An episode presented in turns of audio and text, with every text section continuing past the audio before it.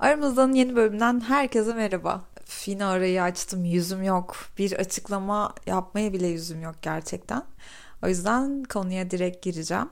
Ya aslında var ya açıklama yapmaya yüzüm var. Çünkü aklıma bu ara hep şey geliyor. Ya şu anda sene sonuyla, kendi başka dertleriyle o kadar ilgili ki insanlar. Ya çok da fazla ilişki umurlarında mı diye düşünüyorum. Hepimizin gündeminde çok başka şeyler var. Tatilinden e, hayatındaki maddi sorunlara kadar e, biliyorsunuz maddi olarak çok da iyi bir dönemden geçmiyoruz ülkece. O yüzden bizim gündemimizde bile başka şeyler konuşuluyor artık. Artık böyle hani liseli gibi oturduğumuz an sadece erkekler konuştuğumuz zamanı çoktan geride bıraktık. O yüzden de bu ara böyle çok da içimden gelmedi. Bir de çok yoğundum. Bu aralar çok yoğundum. Kafam da çok yoğundu. E kendime vakit bile ayıramıyorum. Biliyorsunuz işte dizi, film izlemeyi falan çok seviyorum. Onları bile izleyemediğim, doğru düzgün kitap bile okuyamadığım bir 10 gün geçirdim. E bu hafta da o yoğunluk devam edecek. E ama önümüzdeki haftadan sonra artık tatilde olacağım.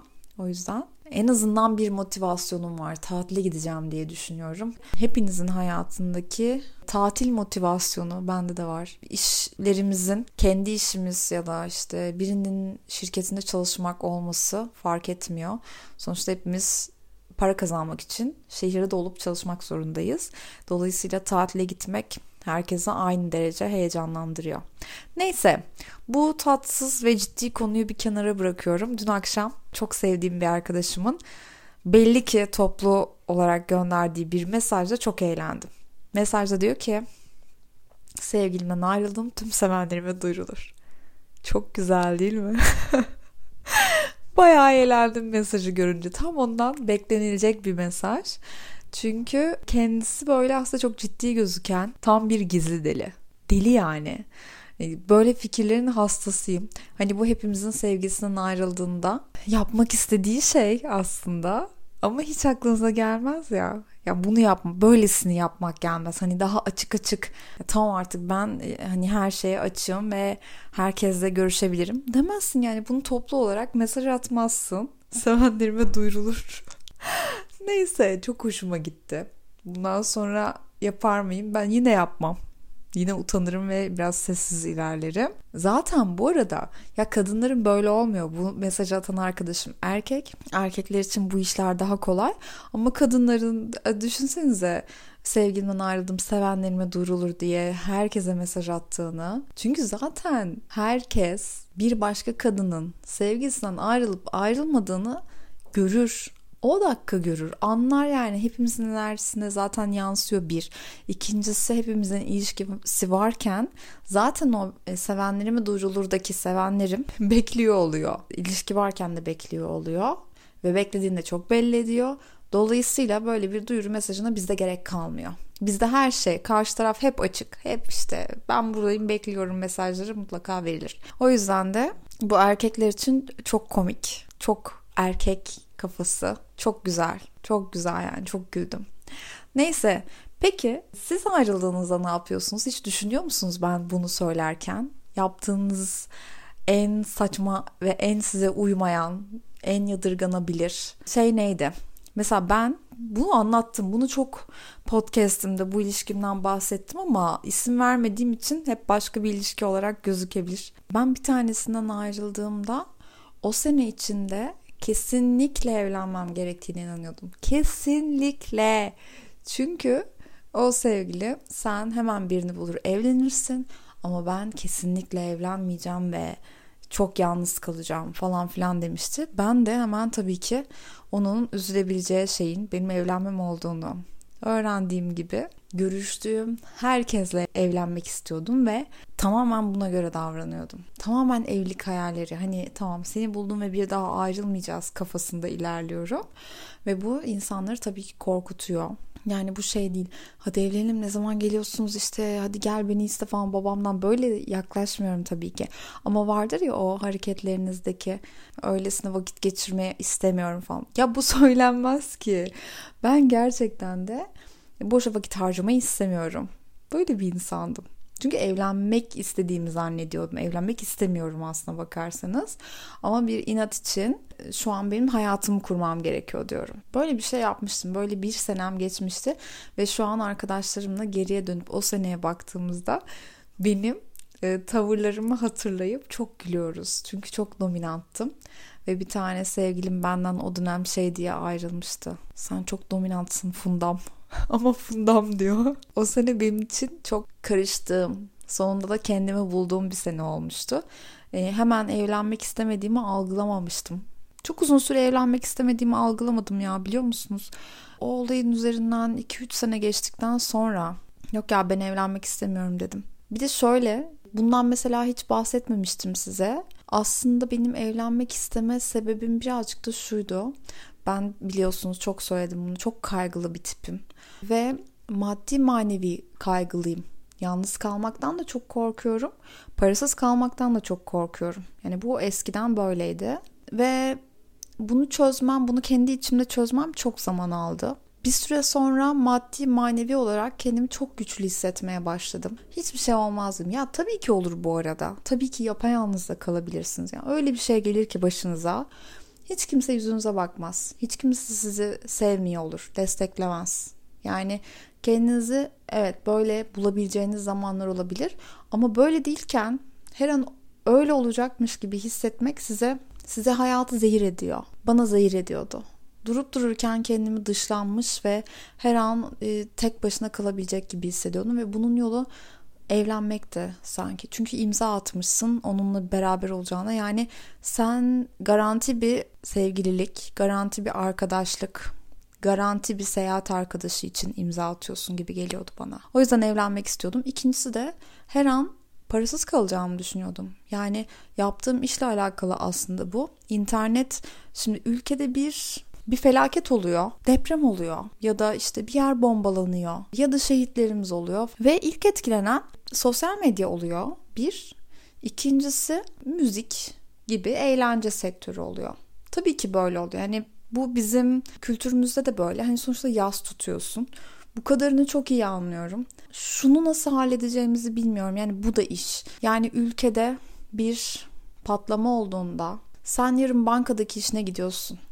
Şimdi bu da benim işim ve ben de bunu senin bankaya gidişin kadar ciddi yapıyorum. Bunu nasıl çözeceğiz? Yani bunu çözemiyorduk ve ülkede her ay yeni bir şey oluyordu. Bir reklam anlaşması yapıyorsunuz, bir proje imzalıyorsunuz ama o proje ertelendikçe erteleniyor ve o projeye göre söz verdiğiniz şeyler var, alacağınız şeyler var, hayatınızda yatırım yapacağınız bazı şeyler var. Bunların hiçbirini yapamıyorsunuz. Her şey duruyor. Her şey belirsiz bir süre için duruyor ve bu bu içimdeki kaygı çok haklı bir kaygıydı. O yüzden yani bunların ikisinin de yolunun bunu çözmenin tek yolunun evlenmek olduğunu düşünüyordum. Ve benim gibi bir işi yapan biriyle değil, sabit bir işi ve sabit bir geliri olan biriyle evlenmenin çok mantıklı olduğunu düşünüyordum. Yani düşünsenize kaygının beni nerelere götürdüğünü ve ne istediğimi zannettirdiğini. Neyse zamanla e, bu kaygılarım azaldı ve bitti. Artık kendimi yalnız kalacak gibi hissetmiyorum. Çünkü bir yerden sonra kendinize daha çok kıymet veriyorsunuz. Etrafınızdaki kıymet verdiğiniz insanların sıralaması çok değişiyor. Bir alışverişe inanıyorsunuz ve verdiğiniz sürece, doğru bir arkadaşlık verdiğiniz sürece, doğru bir güven, dostluk verdiğiniz sürece zaten yalnız kalmayacağınızdan emin oluyorsunuz kendinize mantıklı açıklamalar yapıyorsunuz. Birazcık da yaş ilerliyor. Doğru insanlar etrafınızda kalıyor falan filan. Bir yandan da hani işler daha oturuyor. Ya zaten hiçbir şey, hiçbir kötü şey sonsuza kadar devam etmediği için illa bir düzenini buluyor. Kendisi kendi düzenini buluyor. Ve böyle olunca da bunların hepsi kendi içinde düzeldi. Ben de düzeldim. Kendimi maddi manevi çok güçlü ve muhtaç olacak gibi hissetmediğim için de kendime bir sordum ben gerçekten evlenmek istiyor muyum? Ben kendi evimi kurmak istiyorum. Evet. Ama evlenmek istemiyorum. Çünkü ben sevgili olmayı seviyorum zaten. Yani biriyle birbirimize mecbur olma anlaşması yapmak istemiyorum. Zaten sevgiliyken de aynı şeyleri yaşıyorsunuz. Aynı evde yaşamak zorunda mıyız? Sanmıyorum. Ben kendi evimde yani bir de eskiden mesela en önemli şeylerden biri de şuydu. Ben tek başıma zaten tatile gitmiyordum. Ben tek başıma süpermarkete bile gitmiyordum. Tek başıma hiçbir yere gitmiyordum. Hiçbir yere gitmekten hoşlanmıyordum. Geçen yıllardan sonra tek başıma her şeyi yapmayı çok seviyorum. E, sevdiğim insanlarla yapmayı da çok seviyorum bu arada ama kendimle olmayı da çok seviyorum. Yani ben kendime vakit ayırdıkça sevilebilir olduğumu keşfettim. Bu benim için çok çok çok önemli bir şeydi. Aslında o ayrılık için çok teşekkür etmem gerekiyor. O ayrılıkla birlikte çok büyük sarsıldım. Kendime gelmem bir iki seneyi aldı. Kendime gelmem derken ilişki yüzünden değil. Kendime bulmam bu kadar zaman aldı. Çünkü ben o ilişki içinde zaten çok mutsuzdum. Çok mutsuzdum ve ayrılamıyordum. Ayrılıktan sonrası da işte böyleydi. Kendimle hesaplaştım. Ben mutsuzdum. Neden ayrılamıyordum dedim. Bunun bulmaya çalıştım. Ondan sonra da güçlendim ve bu değil yani önceliğim. Önceliğim mutlu olmak ve doğru yerde doğru insanla olmak ve çok güzel vakit geçirmek. Neyse yani bu böyle bir şey geçti hayatımdan. Sizinle de bunu bu kadar açık ilk defa paylaşmış olur, olabilir miyim acaba? Çok fazla bölüm kaydettiğim için bunların hepsini parça parça ayrı bölümlerde paylaşmış olabilirim. Ama bu kadar açık konuştum mu acaba ya? Bilmiyorum konuşmadıysam da belki de vakti gelmiştir. Neyse dün yine Sibel'le her zamanki gibi derin bir sohbetteydik. Şundan konuştuk son birkaç gündür. Elvan'ın söylediği bu Merkür Retrosu'nun etkilerini tekrar birkaç günlüğüne yaşayacağız. Panik olmayın diyor. Ben de bu aklımın bir köşesindeydi. Sonra fark ettim ki Merkür Retrosu'nda date çıktım ve ya bu hayatımdaki en büyük sır olarak kalacak. Bunu çözemeyeceğim. Çünkü astrolojiye gerçekten inanıyorum.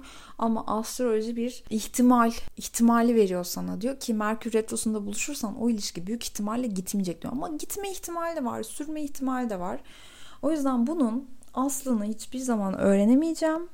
Çünkü ben e, bu çocukla date Merkür Retrosu'nda çıktığım için mi acaba işler böyle oldu? Bir türlü iletişim kuramıyoruz bir türlü anlaşamıyoruz, iletişim kuramıyoruz. Bakıyorum benim için çok doğru bir insan konuşana kadar. Konuşunca üçüncü cümleden sonra boğmak istiyorum.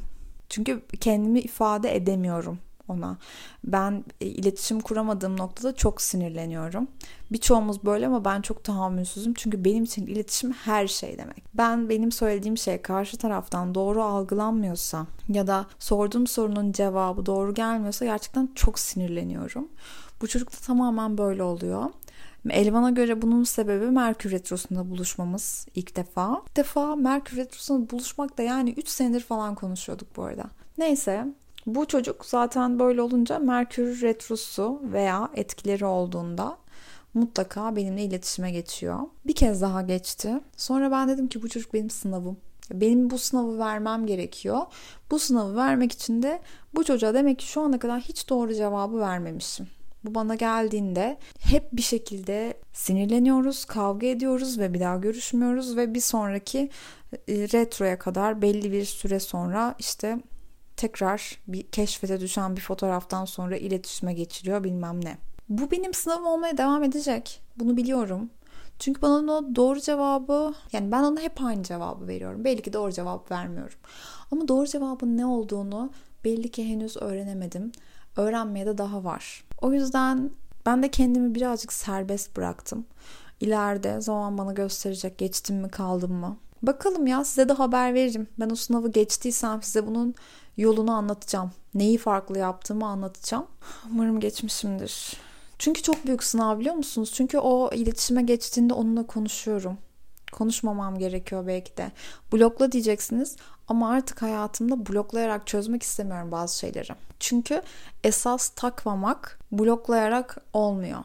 O sana yazsın ama senin umurunda olmasın. Hani e, böyle birileriyle konuşursunuz ama bir yerden sonra hiç cevap alamazsınız ya. Asıl takmaması odur.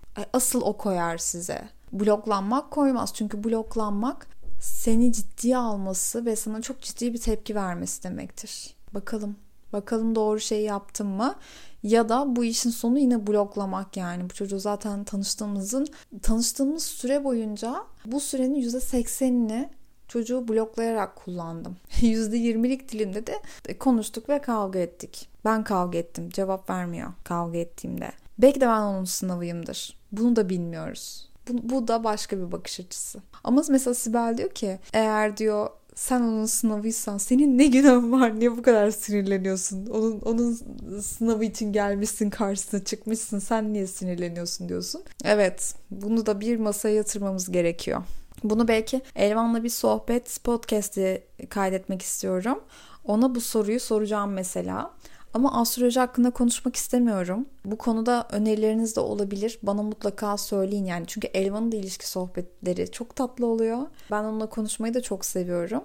Ama birazcık daha biz, daha gerçek, daha hani acılı, mutluluklu, tespitli bir konuşma yapalım istiyorum. Bu arada sınavım dediğim adamla alakalı bir şeyler konuşurken e, hani size geçen bölümde bahsetmiştim ya içinizdeki ses aslında şamanizme göre de doğruyu söyleyen şey çünkü o olacakları önceden hissedip size haber veriyor. O inanca göre de içinizdeki ses doğruyu söylüyor. İçimdeki ses bir önceki bitirmemde aslında bir yandan şöyle diyordum. Bu başka biriyle görüşüyor.